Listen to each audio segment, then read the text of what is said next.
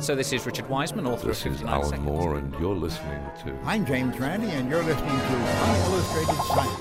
Så du, du leker jo Nei, du leker ikke Gud. Kan eh, kurere kreft om fem For meg så er vel det her like nyttig som homøopati. Dødsannonsen forskningsnytt. Altså, jeg kan ikke lage en hårete planet. Nei, nei. Uillustrert vitenskap.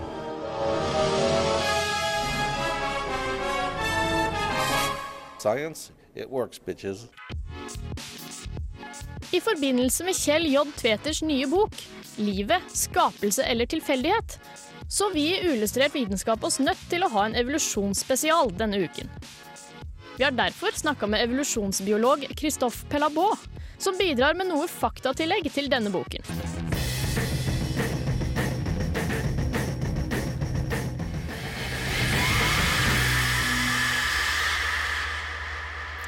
Prison Shanks hørte du der, med Heavy Cream.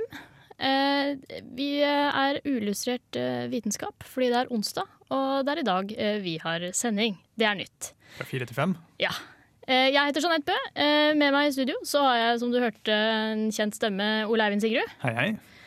Eh, I introen så hørte dere at eh, vi kommer til å ta opp eh, evolusjon i dag. Og det, det har vi nevnt i forrige uke, er pga. en bok som har irritert i hvert fall Ole Eivind en god del Forferdelig. Jeg kan si en, en god ting om den. da. Det er at den, den er jo veldig lettlest. Jeg fikk lest hele saken i løpet av helgen. Men det, det er vel så det eneste. Så du har lest hele boka? Ja. Det er ikke verst. Jeg, jeg syns det var ganske verst. det er det verste jeg har lest. Bra, jeg gleder meg. Eh, vi skal jo selvfølgelig ikke bare ha det, eh, for på Nei. lørdag så var det eh, samfunnsmøte om Higgs-bosone, eller gudepartikkelen, Som de eh, som, som det het. Så da har Sunny, vår tidligere medarbeider, har da laga en noe lengre reportasje fra dette arrangementet. Så det blir flott. Så det blir litt forskningsnytt. ja, Forskningsnytt. Det er alltid nyheter innen forskning hver uke. Eh, Men vi skal selvfølgelig starte dagens sending med hovedtema for i dag, som er evolusjon. Og det skal du få høre etter David Byrne og St. Vincent med Who.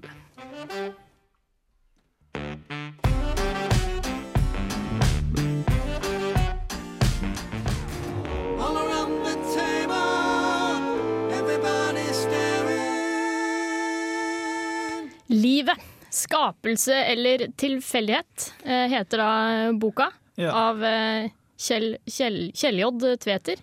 ja, eh, den har jeg da lest. Den fremmer da kreasjonisme. Ja, Men for de, som, for de få lytterne da, som syns at kreasjonisme høres veldig amerikansk ut, hva er det egentlig? Nei, det er jo egentlig bare det synet at uh, man ikke, liv ikke har utviklet seg uh, med evolusjonsteorien, og at vi er da er skapt av Gud. Ja. Eventuelt uh, at vi er skapt av aliens osv. Erik von Deineken også en kreasjonist, men uh, Ja, så Det går under samme. Gud eller romvesener. Ja. Samme. Uh, hva er forskjellen på kreasjonisme og intelligent design? Nei, altså jeg vil jo egentlig si at det ikke er noe forskjell, men, eh, men det er det på en måte. Den kortversjonen er jo altså Dette her er jo ganske amerikansk. Eh, Og eh, det ble undervist litt sånn i kreasjonisme i visse skoler på 20-tallet, eh, og så falt det litt sånn ut under Space Agen da, etter verdenskrigen. Men så prøvde de å komme tilbake igjen på 60-tallet. Det de kalte da creation science. Dette her var vitenskap, det var ikke lenger religion. Nei. Fordi religion kan de ikke lære bort i amerikanske skoler. Men så ble det slått fast på 80-tallet at uh, dette var religion. Så da prøvde de seg igjen på 90-tallet med navnet Intelligent Design. De har fjernet henvisninger til, all, til Gud. Eh, de kaller det en intelligent skaper. Ja. Hvilken intelligente skaper, det sier de ikke noe om. Eh, Men så ble det slått fast da i en eh, rettssak, Dover-trialen i 2005, at dette er fortsatt religion. Nå er det ganske interessant da, med denne boken her på norsk, at det virker ikke som de norske intelligent design-forkjemperne har fått med seg strategien om å si at dette ikke er religion, fordi denne boken nevner jo Gud på hver eneste side, eh, og Kristi sånn innimellom. Så den på en måte strategiske biten med at dette er vitenskap, ikke religion, har de ikke helt fått med seg, da, selv om de fortsatt at, prøver å si at dette er vitenskap. Så det de først og fremst har gjort, er jo vel bare å, å bytte navn for å fremstå litt, Litt mer litt mer seriøse. Argumentene er de samme. Ja, Sånn som NTNU gjør med de linjene og slenger på design og miljø etterpå. Ja. Ja, det, men det, er, det er flott. Eh, hvem i all verden er målgruppa for, eh, for den boka her? Nei, det er jo egentlig det som eh, jeg syns er mest skremmende, er jo at den er skrevet for et uh, ungt publikum, for ungdom. Uh, og blir spesielt anbefalt til å gi til uh, konfirmasjonsungdom. Ja, det, det er skremmende for meg, fordi det er jo ikke alle ungdom som har utviklet kritisk sans ennå, så de har funnet ut at der kan vi snappe dem opp. Eh, og lære dem eh, dette er tullet her, før de blir for lure. De er veldig optimistiske til eh, konfirmanter, da, som gjerne ofte ikke leser de, det de får på konfirmasjonsleir. Det gjorde ikke jeg. Du har snakka med godeste Hva het han igjen? Christophe Pelabot heter han. Og da tar du for deg de mest brukte påstandene i boka. Og så Ja. får vi høre hva han syns. Det skal vi få høre etter Ekte turboneger av Phil T. Rich. Vi er her, altså.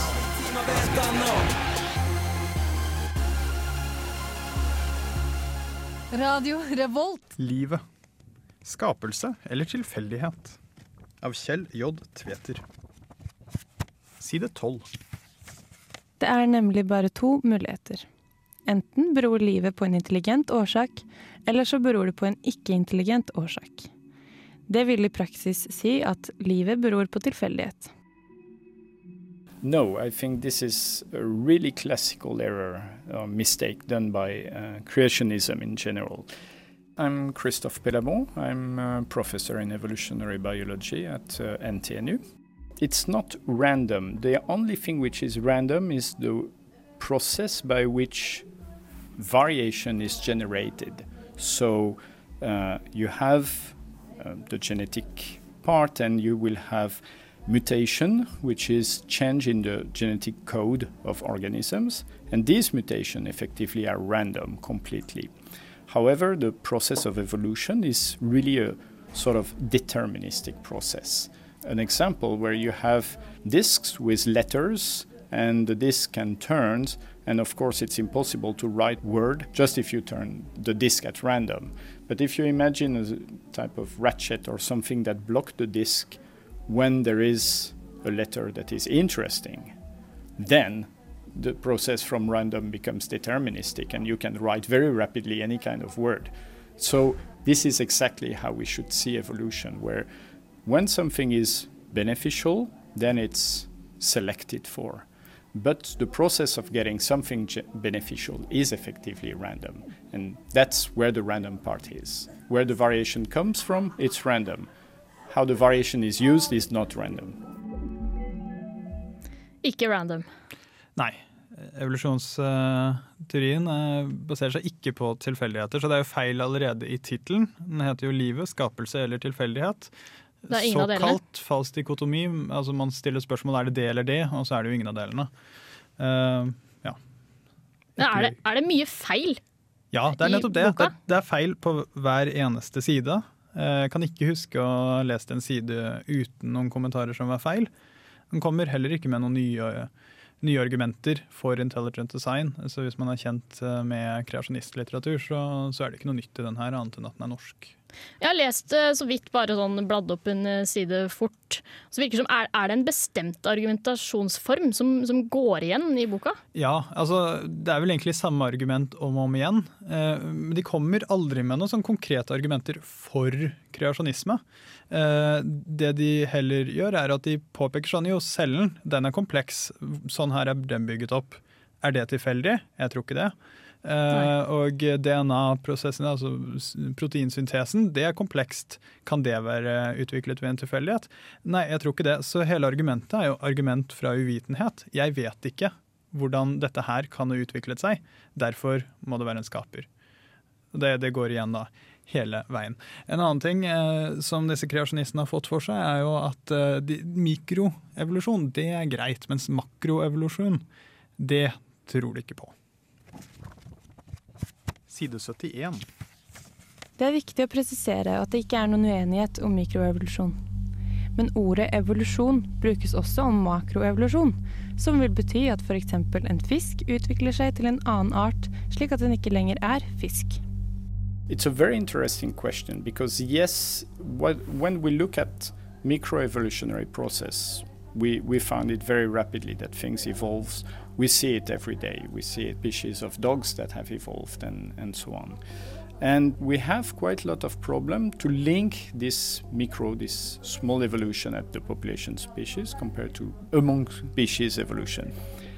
And in fact, we see that the patterns of within species variation explain the among species variation. For example, within species, you have a character like the shape of the mouse, for a, very important in fish for feeding, for example, and it will be, it will show some variation within species and even within population.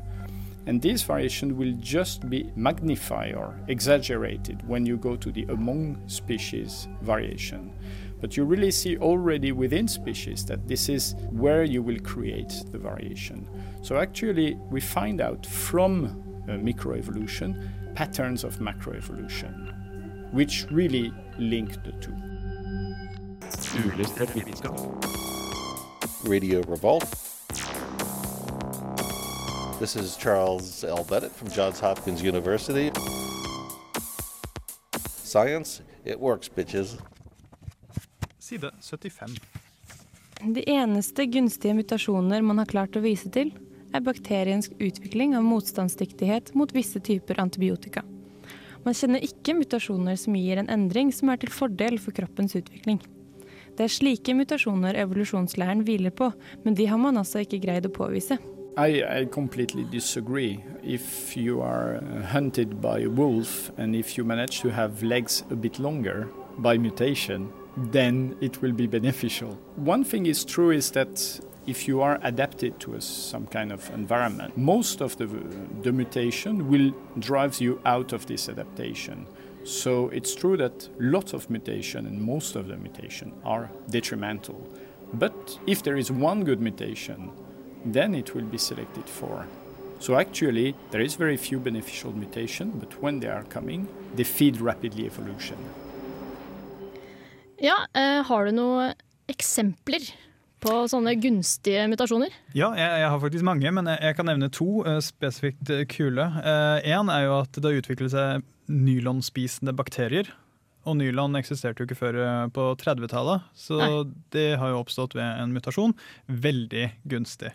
Eh, så det andre, det er det Richard Lenski som hadde et fryktelig elegant forsøk på E. coli. Og grunnen til at han da eh, gjorde forsøket på E. coli, var eh, de formerte seg aseksuelt. Så da all forandring i populasjonene vil kun være forårsaket av eh, mutasjoner.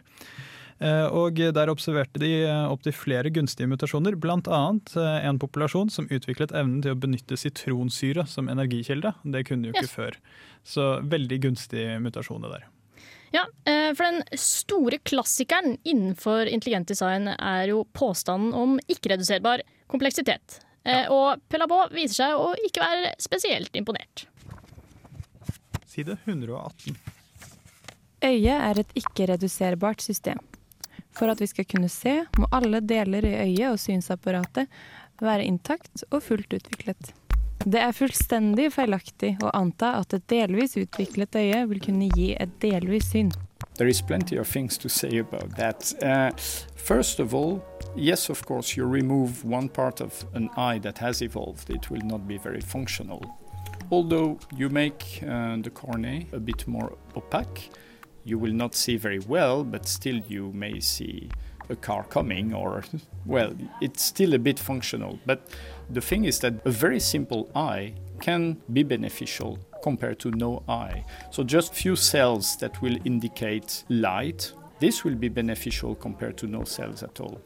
And you have, if you look at different organisms, like you start with mollusks and then you go to um, cephalopods, octopus, well, you have a complete evolution of more and more complex eye. And we can still find in nature all the different steps to build an eye. So, yes, the final product is very complex, but all the intermediate stage work and provide advantage to their bearer. It's complex, but it works even if it's less complex. Uillustrert vitenskap presenterer Forskningsnytt.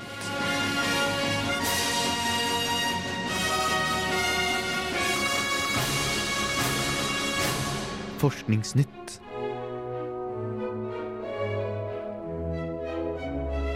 team astronomer som har tatt i bruk ALMA, en gruppe radioteleskoper i Atacopa-ørkenen i Chile, har nå funnet sukkermolekyler i gassen rundt en ung sollignende stjerne.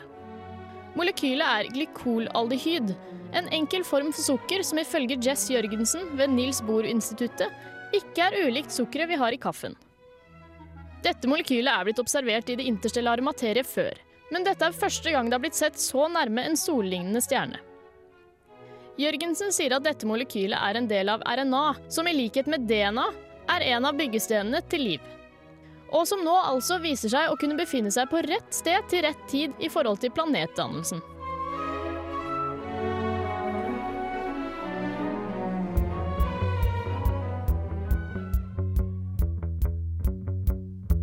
Når to arter på samme område har samme nisje, altså spiser den samme maten og bruker de samme områdene osv., kan det i verste fall ende med at en av artene må flytte på seg, eller rett og slett bare bli utrydda. I et studie gjort på Chitan nasjonalpark i Nepal, et tigerreservat som også blir brukt av mennesker, fant man ut at tigeren her valgte en annen tilpasningsmetode til mennesker enn først antatt. Det viste seg at tigeren her holdt til i akkurat de samme områdene som mennesker jakter og patruljerer, men har flytta sitt aktive tidsrom til en annen tid på døgnet enn mennesker, nemlig natten. Normalt sett aksepterer ikke tigeren mennesker i samme område, og velger helst å flytte seg.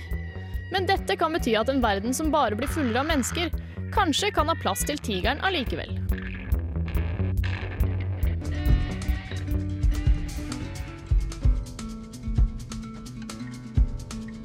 Etter et studie gjort på krattskriket, en blå kråkefugl, fant forskere ved Universitetet i California ut at også fugler holder en slags seremoni for sine døde. Det er ikke en spesielt fin seremoni med blomster og klemmer, men mer en seremoni med mye skrik og stirring. Da krattskrika så et dødt individ, satte den seg ved den døde og begynte å kalle på de andre krattskrikene.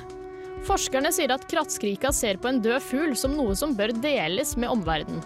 På samme måte som de varsler om rovdyr. Dette minsker da risikoen for at de andre skal dø av det samme som den døde fuglen.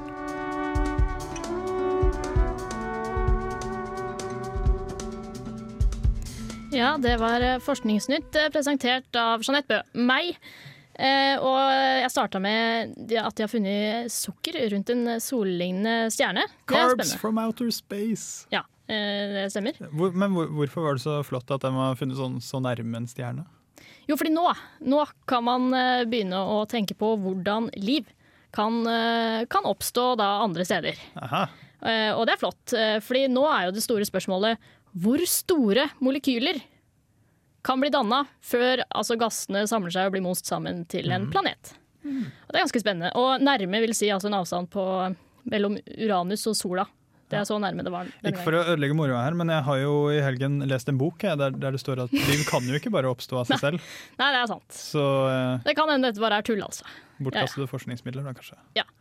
Så har vi eh, tigeren, eh, Ja. som er oppe om eh, natta. Men Spiller det egentlig noen rolle for tigeren om den er dag- eller nattaktiv?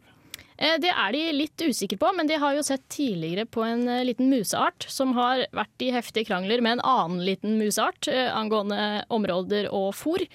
Eh, og da har den ene musearten eh, fått noen endringer på øynene som gjør at den kan se om natta. Men eh, selv om den var oppe om natta, så var den litt sånn trøtt. Eller den fysiske formen var ikke som den pleide å være.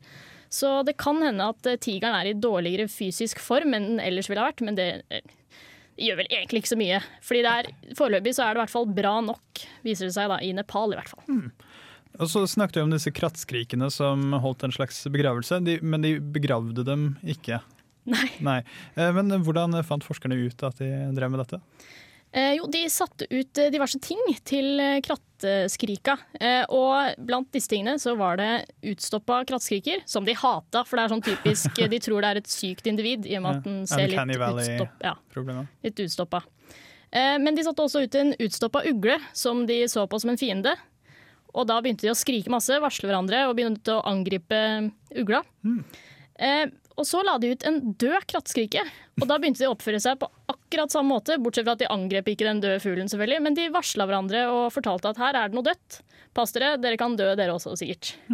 Så veldig fornuftig. Men det er jo også flere dyr som gir Eller som viser at de vet at noen har dødd. Og det er jo eh, Sjiraff og elefant er jo kjent for å henge rundt. Så var det vel også noe med sjimpanser, var det ikke det? Ja. Det var, det var en forferdelig sjimpansemor som bar rundt på en sånn barneskrott veldig lenge. Forferdelig. Ja, det var trist. Så dyr legger i hvert fall merke til at eh, andre har dødd. Vi skal fortsette med evolusjon, og det skal vi gjøre rett etter ungdomsskolen med Askefast. Ja,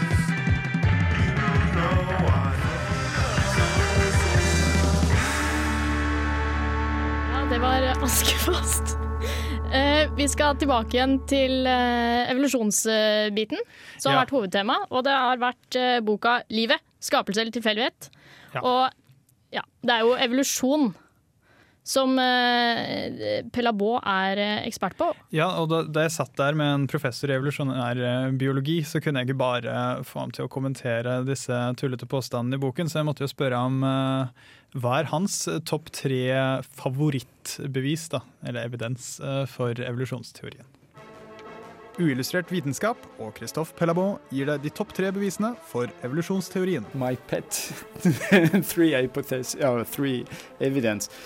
Um, Nummer tre. Well, the first one is, I think, the peppered moth has been really this this uh, small moth that was in England, and you have two form, one black form and one peppered form. The industrialization in England really had an effect on the frequency of the two morph, and it really showed how selection works. Dette blir faktisk nevnt av Kjell J. Tveter. I ettertid er det bekreftet at sommerfuglene ikke fløy fritt, men bevisst ble festet til trestammene. Så forsøket var altså ren juks. So it's the experiment from Kettlewell, and he has effectively placed the more the, the different uh, moss with different uh, colors on the trees because the moths are active during the night, and so they are during the day they stay on the tree. So he put the moss at the, the end of the night and came back in the evening to see how much were remaining. So they were placed, of course, but then uh, the results are what they are. So in the place where a lot of uh, pollution, where there was very little lichen on the trees, the black one were selected for, so they, they stayed. While in the other place where there was lichen on the trees, then the black one disappeared. Some people have criticized this work. It has been done again and again recently, and we see at the moment with the, the, the decrease in pollution in Netherlands and in England, we see exactly the reverse process where we the, the peppered ones or the grey one uh, are more and more abundant. What is very interesting, additionally, is that we know now all the genetics of it. We know which gene is coding for the color and all these things. And so for once we have nearly the complete picture of how these things works. And well, okay, we can always say it's yux, but I think thi- this is actually one of the fantastic example where we have from natural history pattern the predator birds we have the process in nature and we have the molecular process and we can go through all the, the mechanisms so i think it's a, actually a beautiful example. This is of course a microevolution example. Nummer to. on macroevolution example i think the line of skeletons that we have found between dinosaur the different types of dinosaur archaeopteryx and finally birds really shows a very nice continuous evolution of uh, these organisms so that's i think for me at least i'm always very uh, amazed by this extremely nice series Tveter er heller ikke her enig, og skriver at fjær i seg selv er et designmessig underverk og vesensforskjellig fra skjell. feathers are just slightly complicated scales. You separate the border of the scale, and the initial feathers are very simple. Clearly, we have seen feathers in late dinosaur, and probably it was not made for flying from the start. It was probably made to keep warm. And then, when you start to jump, you may have the, the help of the feather we see on the the chicken, the most classical bird, is that okay, legs are covered with scales. So even on these animals, you can see the the, the transition from scales to feather.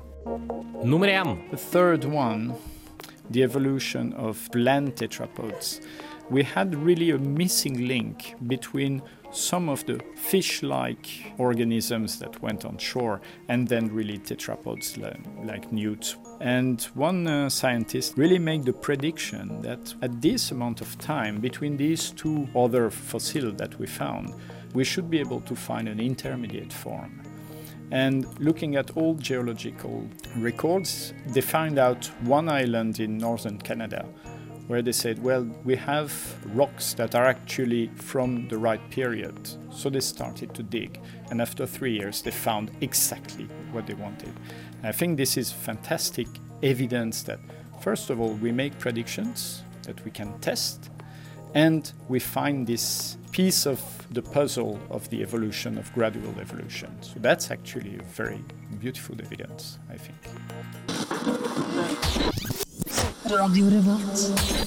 Og en ting jeg har hørt mye om, eller lest mye om på nettet, det er Technicolor. Hva er det? Det er dødt. Hurra, hurra, hurra! En gravstein. Jeg har sett, eh, jeg har sett folk, eh, seriøse mennesker, um, presentere foredrag hvor de har eh, powerpoint-presentasjoner med gravsteiner på hvor det står Technicolor. Nei. 2000. Er Technicolor dødt, Sonny? Ja, Bjørn Håkon. Det er det. Hvem er det karen her, da? Det her er Are Raklev. Han er en, en Higgs-jeger. Ja.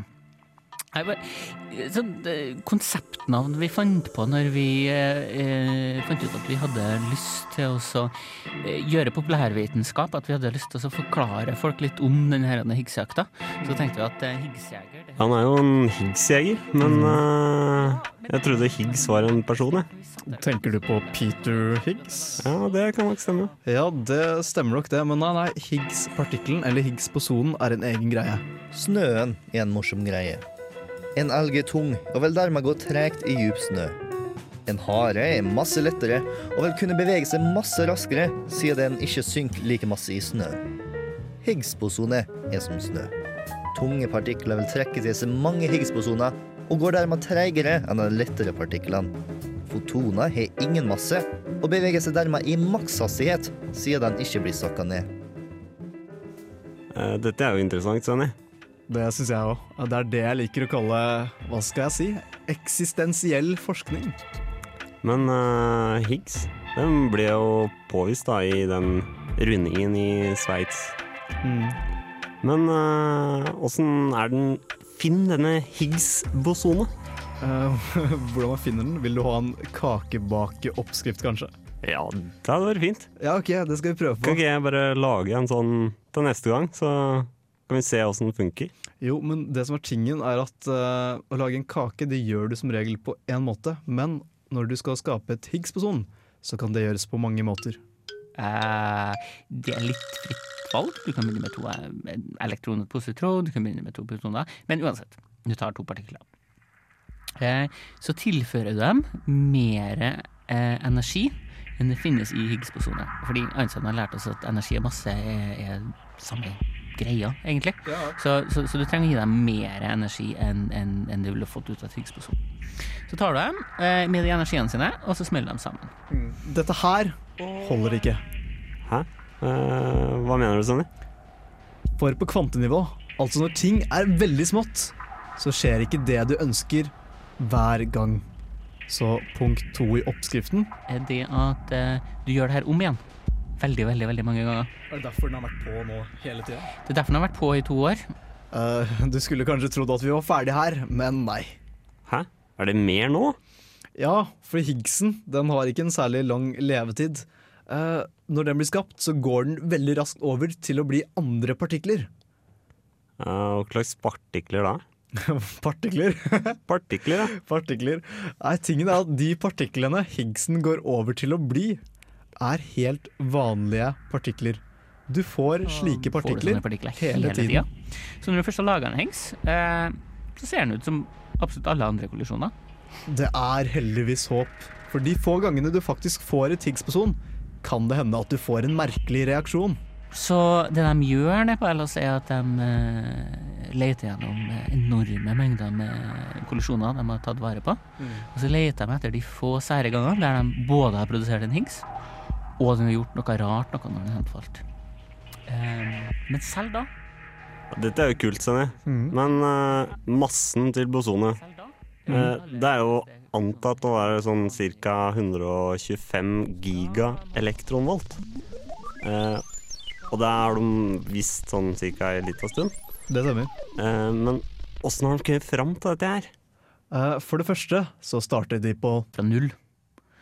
Eh, og så fant de ut at den liksom ikke veide veldig lite, og så jobba de seg oppover. Så den, den biten er liksom grei. Du bare pusher eh, greia oppover til, til tyngre og tyngre masser, eh, hvor du vet at det ikke finnes. Den andre biten er litt mer kanskje interessant sånn fra fysikkperspektiv. er at hvis Higgs-bosonet ble for tungt, så brøyt hele standardmodellen sammen. Å, hvorfor Ja. det? Det handler, mer, det handler egentlig om, om matematikk, og det handler om uendeligheter. Det handler om at eh, teorien utvikler uendeligheter der den ikke burde ha det. Ja, Det her er jo ganske opplagt da, når du faktisk vet det. Er det ikke slik med det aller meste? Higgs, Higgs, Higgs, Higgs, Higgs, Higgs, Higgs, Higgs, Higgs, Higgs, Higgs, Higgs, Higgs, Higgs. What? Hurra, hurra, hurra! Eh, noe jeg syns er morsomt, det er at eh, i teorien så kunne vi ha funnet Higgs-bosone for kanskje fem år siden. Hæ? Fem år siden? Fem år Hva er det vi driver drivet med nå i mellomtider? Har vi surfet på sjøen? uh, nei, altså det har ingenting med oss å gjøre, men Peter Higgs, mannen som eh, bosone har fått navnet sitt fra, han var med å arrangere en skole for doktorgradsstudenter i teoretisk fysikk. Sommerskole. Bare et par uker. Mm. Ja. Eh, som nyansatt eh, så ble han gitt oppgaven om å eh, passe på vin. Det var nemlig kjøpt inn vin. Dette var tilbake på, eh, på 60-tallet. Eh, det var nemlig kjøpt inn eh, eh, vin til maten. OK? Eh, men man ville selvfølgelig ikke at studentene skulle springe og drikke av den vinen her utenom måltidene. Nei, nei. Mm. Så Peter Higgs sin oppgave var å passe på vinen. Eh, samtidig som det her, så var noen av dem som senere ble veldig kjent for å liksom ha konstruert eh, mye av bakgrunnen for standardmodellen, eh, Weinberg og andre, de var som studenter på denne sommerskolen. Eh, og de eh, møttes og diskuterte fysikk eh, om natta. Eh, fordi da kunne de bryte seg inn i vinlageret og drikke vin. Så der satt de og, og, og, og fant opp standardmodellen. Og holdt seg veldig langt unna Peter Higgs, for det er han som var ansvarlig for å passe på vind. Nei. eh, så hvis det hadde vært fri vin, så kunne Peter Higgs sittet der og diskutert sammen med dem. Og vi ville hatt standardmodellen omtrent fem år tidligere. Ok, Bjørn Håkon, hva har vi lært i dag? I dag har vi lært at Higgs-partikkelen er den som gir oss alle masse. Eh, og at uh, massen til Higgs-partikkelen Den kan du finne ved å uh, anta at den ikke er uendelig, og så bare gå opp fra null. Og så derivere. Ja, nei, jo. Kan det Alltid stemme? derivere. Alltid derivere. Ja, det er løsningen på alt. Don't, don't drink in the rive, som mamma alltid pleier å si. Um, Det er lurt, det. og så har vi også funnet ut eh, hvordan vi lager Higgs-partikkelen. Wow! wow. Og vi har uh, Tja Jo, vi har funnet ut at vin Vin, det leder til god forskning. Ja. Og det tror jeg det viktigste er. Så moralen i dag, hva er det, Bjørn Håkon? Drikk mer vin, folkens. Drikk mer vin, spesielt hvis du driver med fysikk. Ja. Takk for oss. Takk. Hurra, hurra, hurra!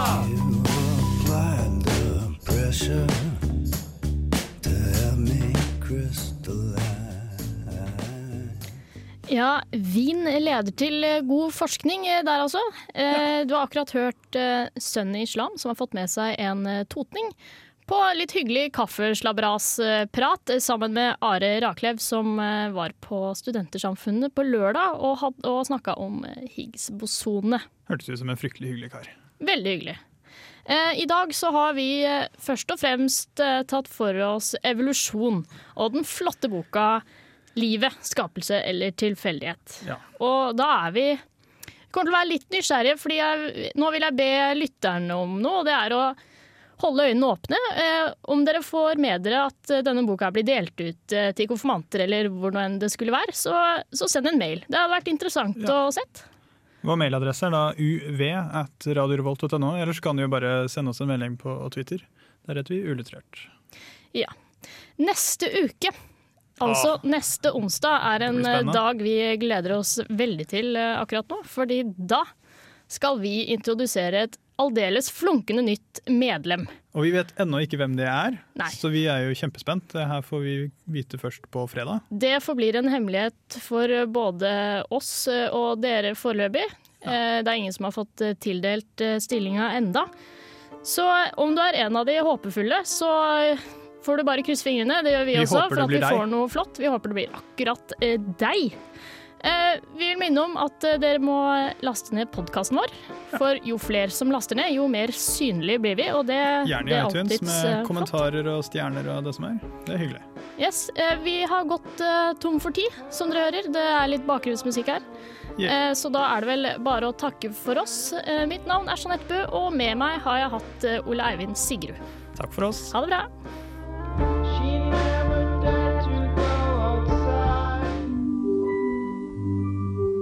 Uillustrert vitenskap er Midt-Norges eneste teknologimagasin på lokalradio. Og vi snakker om alt fra populærvitenskap til sære forskningsprosjekt ved NTNU. Radio Revolt, studentradioen i Trondheim, er stolt av å kunne presentere podkaster fra de aller mest populære programmene våre.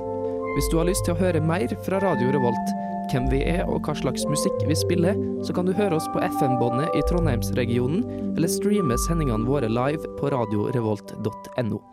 Thank you.